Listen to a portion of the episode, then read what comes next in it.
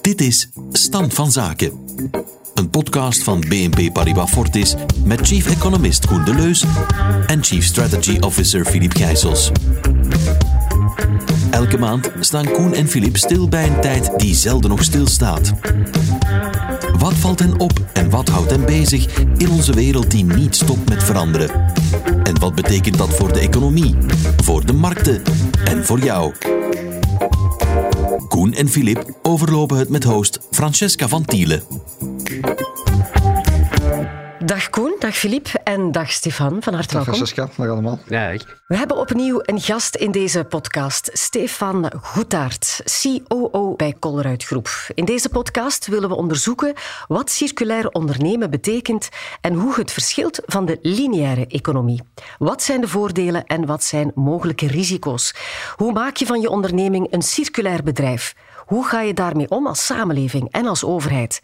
Evolueren we dan ook naar een maatschappij waarin de deeleconomie floreert en waarin we een verschuiving zien van product naar dienst? Dag Stefan, jij bent operationeel directeur bij Colruyt Groep. Uh, je bent verantwoordelijk voor alle ondersteunende processen. Wat houdt dat precies in? Wel, in eerste instantie komt het erop neer om die producten op een goede kwalitatieve manier in onze winkels te krijgen.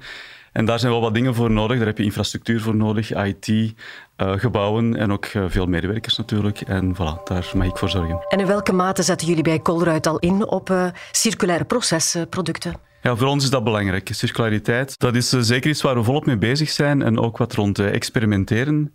Nu, we zijn vooral gekend als foodretailer en voor ons als foodretailer is het belangrijk om zoveel mogelijk producten te verkopen, natuurlijk, om zo weinig mogelijk afval te hebben. Uh, we slagen daar goed in. Meer dan 97% van onze verse producten die worden verkocht.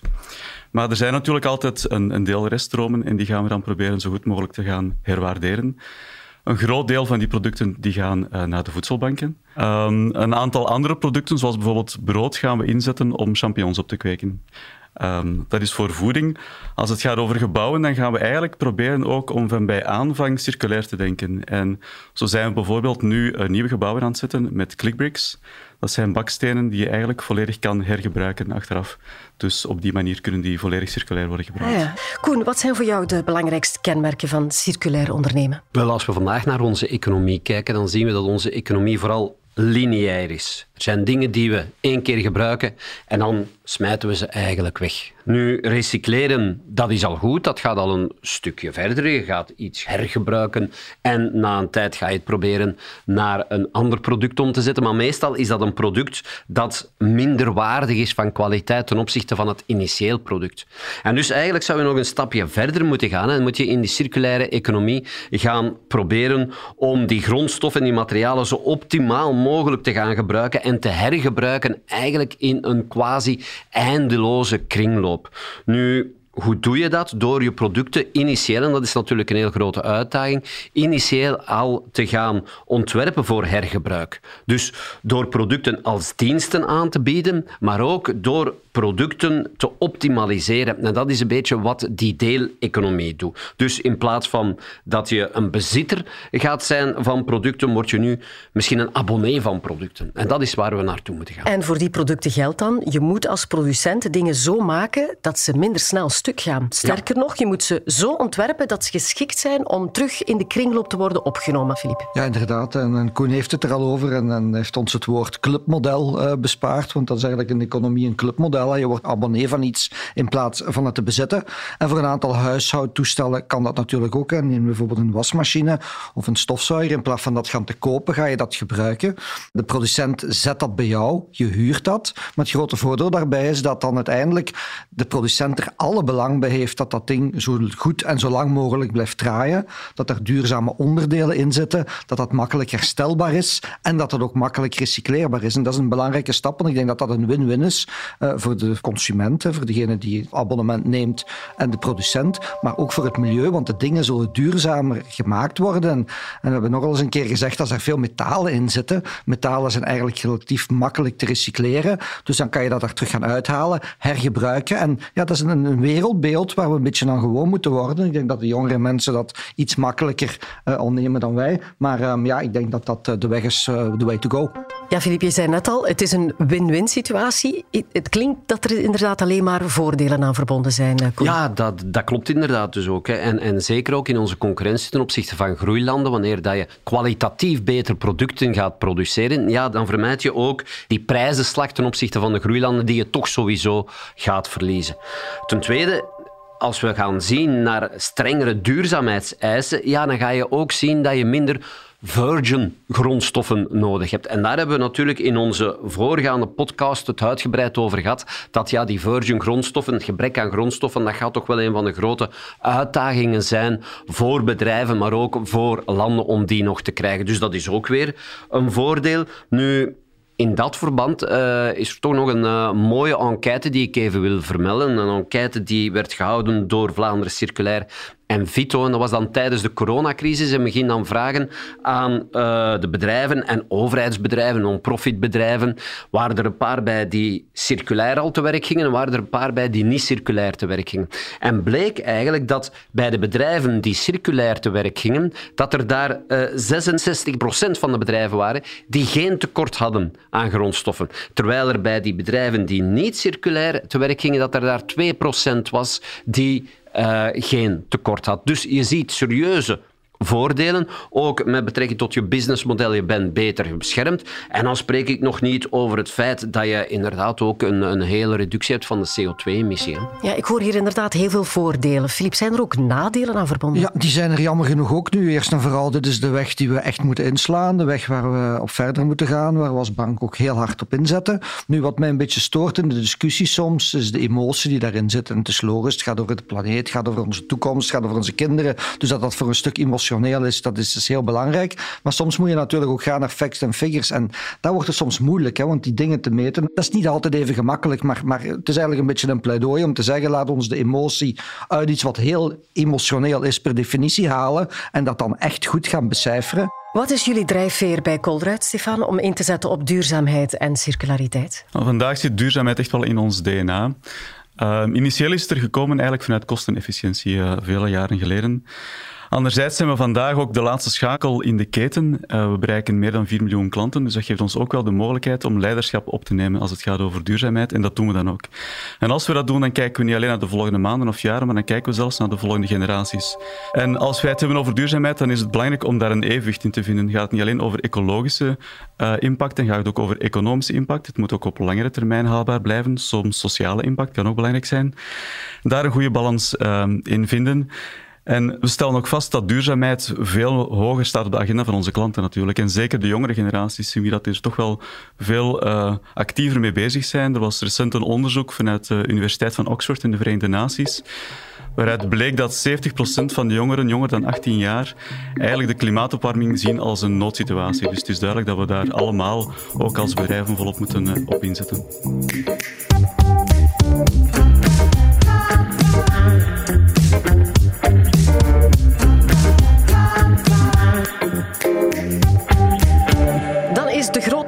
Hoe kunnen we ervoor zorgen dat alle bedrijven de overstap maken naar de circulaire economie? Filip. Wel, dat is een goede vraag, Francesca. En ja, je zou kunnen zeggen, natuurlijk, België gaat dat helemaal alleen doen.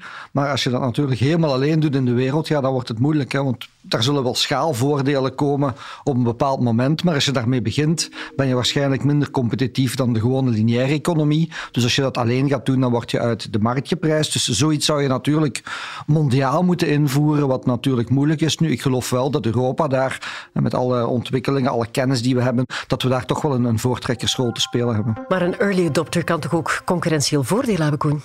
Ja, het is een beetje een evenwichtsoefening. Hè. Enerzijds moet je natuurlijk zien, je gaat in een nieuw concept, ga je heel veel geld steken.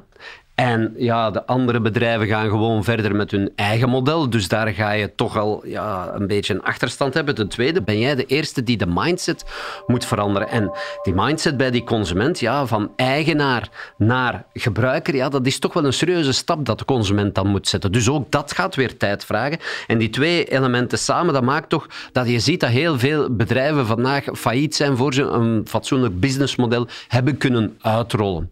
Nu, ik denk dat de overheid hier wel een belangrijke rol kan spelen. Je hebt enerzijds de regelgeving, waardoor ze die circulaire bedrijven een stapje voor kunnen zetten. En ten tweede kunnen ze ook zeggen, ja, door een streng lastenboek te hanteren bij aanbestedingen bij de overheid, daar ook kunnen zij die circulaire bedrijven een stapje voorzetten. Wat verwachten jullie bij Kolderuit van de overheid, Stefan? De overheid zet in op circulariteit, dat is goed. Dat is ook logisch, een beetje vanuit dezelfde nood als het bedrijfsleven. Maar ik vind het vooral belangrijk dat de overheid het kader creëert waarin dat we kunnen experimenteren, initiatieven nemen. We zijn persoonlijk geen fan van te veel regelgeving. Maar dat kader creëren, dat kan wel helpen natuurlijk. Um, zodanig dat je als bedrijf snel kan schakelen um, en een voorlopersrol opnemen. Um, een andere mogelijkheid, uh, of toch een belangrijk initiatief dat vanuit de overheden kan komen, en dat gebeurt vanuit Europa, ook vanuit Vlaanderen, dat zijn de Green Deals. Waar je eigenlijk een aantal gelijkgezinde bedrijven samenbrengt en hen samen initiatieven laten nemen. En dat is denk ik belangrijk, want voor veel van die projecten kan je als bedrijf ook niet altijd alleen aan de slag. Heb je dat partnership uh, nodig? Ja, ik hoor hier partnerships, ik hoor hier regulering, maar overheden hebben nog een wapen, dat is taxatie. Is een vergroening van de belastingen haalbaar, Koen? Wel, ik denk het wel. En daar is dan een studie over gedaan, het New Era New Plan en, uh, dat is een studie die werd gedaan door uh, onder meer de Big Four consultancy bedrijven met daar in partnership nog enkele andere bedrijven. En die hebben dan eens gekeken wat het zou opleveren om zo'n verschuiving, en ik onderstreep hier verschuiving van belastingen op te leggen van arbeid naar belastingen van primaire gebruikte grondstoffen. Want daar is natuurlijk de grote uitdaging. Hè. En die taxshift zou tegen 2025 volgens die studie 1,6 extra BBP opleveren voor de Europese Unie dan en 3% extra werkgelegenheid. En daarna zijn er natuurlijk nog de extra voordelen met betrekking tot gezondheid, minder water- en energieverbruik, 7% minder CO2-uitstoot enzovoort enzovoort.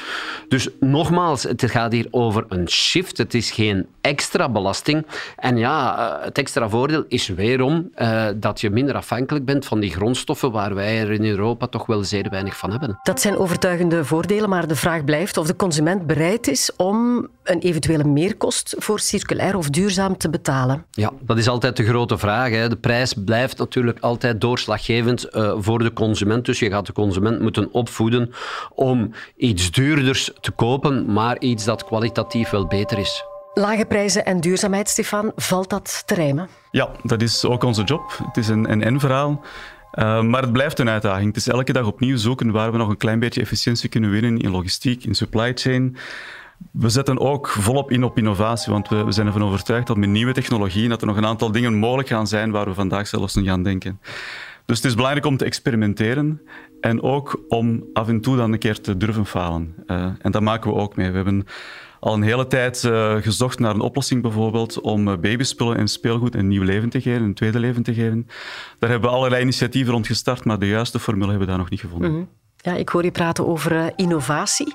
Technologie is uiteraard ook heel belangrijk, Filip. Ja, dat is het toverwoord, hè, innovatie. We hebben het er in vorige afleveringen al heel vaak over gehad. Hè. Dat is voor de klimaatsverandering, maar ook voor de circulaire economie. Dat is absoluut key. Uh, er zijn zo dingen bijvoorbeeld zoals verticale landbouw, hè, wat eraan komt, waardoor je met relatief weinig water, met relatief weinig voedingsstoffen, toch heel veel dingen kan doen. En dan kijken we natuurlijk, iedereen heeft er zijn mond van vol tegenwoordig, naar artificiële intelligentie. Dus ja, dat is maar een, een warme oproep aan iedereen uh, om daarmee bezig te zijn, ook aan de jongere generatie. Want het zal voor een stuk uit innovatie en nieuwe technologie moeten komen. Ik hoor je praten over verticale landbouw. Is dat een deel van de oplossing, Stefan? Wij zijn alleszins ook vanuit Colruyt Groep daar volop mee bezig, maar het is vandaag nog een heel moeilijk verhaal. En de reden daarvoor is vooral dat het heel energie-intensief is. En daar moet ik geen tekening bij maken, is het voorbije jaar natuurlijk nog moeilijker geworden. Uh, maar op termijn zijn daar zeker mogelijkheden. Vandaag zie je dat die technologie al wel rendabel kan zijn in uh, het Midden-Oosten bijvoorbeeld. En dat is ook logisch, want daar is energiekost veel lager. En worden bovendien ook nog eens heel veel producten geïmporteerd, dus daar is het eigenlijk uh, wel veel interessanter. Nu, er zijn andere voorbeelden van uh, landbouw die misschien minder high-tech zijn, maar die wel inzetten op die circulariteit. En zo wij zelf een initiatief met een producentenorganisatie, die heet Vlaams Hoeverund. Dat zijn rundveehouders, een sector die nogal eens onder druk staat als het gaat over klimaatimpact. Maar met hen zijn we eigenlijk aan het inzetten op carbon farming. Wat doen zij? Zij gaan bepaalde teelten uh, kweken, waarbij ze koolstof uit de lucht halen. Die wordt dan in de bodem opgeslagen. En dat is eigenlijk een win-win voor iedereen, want er is uh, minder koolstof in de lucht natuurlijk, maar er is eigenlijk vandaag ook te weinig koolstof in de bodem. Het is niet zo goed gesteld met de bodem in België. Uh, dus dat is een voordeel, waardoor ook nog eens de productiviteit van die landbouwgrond gaat verbeteren. Dus daar zijn wel wat mogelijkheden die niet allemaal uh, vanuit de hoek van verticale landbouw moeten komen.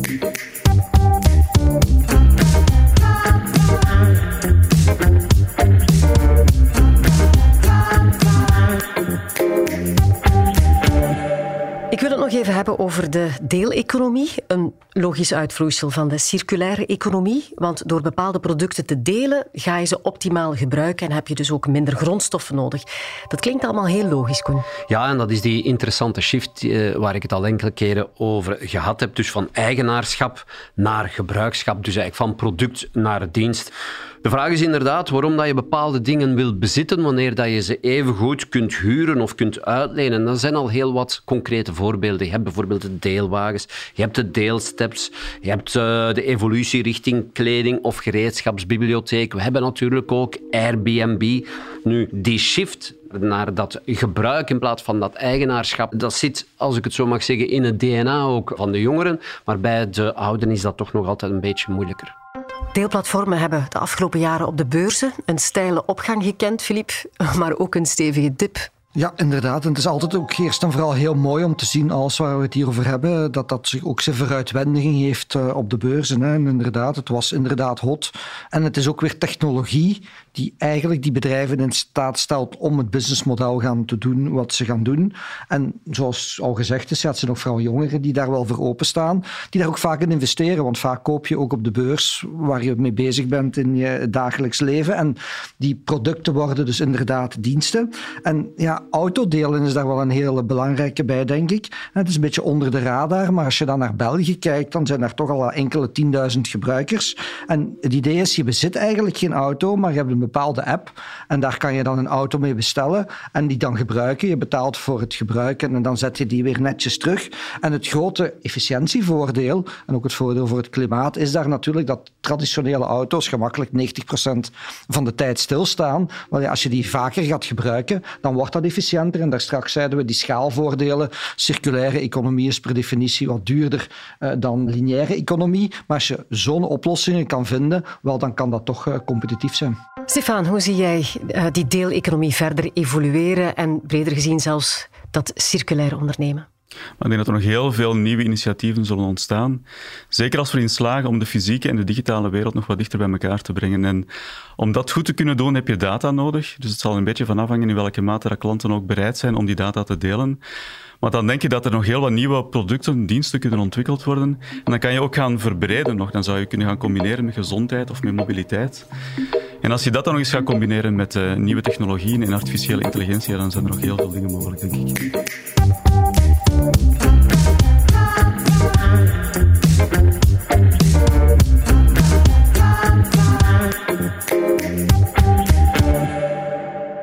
Podcast loopt op zijn einde, dus het is tijd voor onze vaste afsluiter. Dat is de boekentip van Filip. En Filip, je hebt twee boeken meegebracht ja, over het thema. inderdaad, eh, Francesca. Het is uh, Pieter Lacey en Jacob uh, Rutschvist. Waste to Wealth. Ja, de naam zegt het al voor een groot stuk zelf. Hè. Hoe toegevoegde waarde creëren uit afval. En niet toevallig een Scandinaaf. En gisteren toen ik in mijn boekenkast kijken was, viel ik eigenlijk ook nog op Expand. Stretching the Future by Design van Jens Maarten Skipstedt, ook een Scandinaaf. En Christian. En wel, wat dat eigenlijk over gaat, het gaat voor een stuk over design. En dat is meer de specialiteit van mijn vrouw dan uh, van mezelf. Maar het idee is altijd dat dat nieuw en groot en duur en alles moet zijn. Maar je kan ook wel echt design gaan doen met, met dingen die je recycleert, uh, met circulaire economie. En ja, ik denk dat daar een heel grote toegevoegde waarde in zit. En ik denk als, als die mindset wat kan veranderen, ja, dat je daar heel leuke dingen mee kan doen. Dus ik ben daar wel voor gewonnen. Dankjewel, Filip. Meer informatie over de vermelde boeken vind je in onze show notes. Deze podcast werd opgenomen op 10 februari. De volgende stand van zaken staat online op 5 april. Stefan, Koen en Filip, uh, het was zeer boeiend. Dank je wel. Dank je. Graag gedaan. Dank u. Dit was Stand van Zaken. Vond je deze podcast interessant? Abonneer je dan via Apple Podcast, Spotify of een andere podcast-app naar keuze. Of deel deze podcast via sociale media. Zo help je ook anderen om hem te vinden.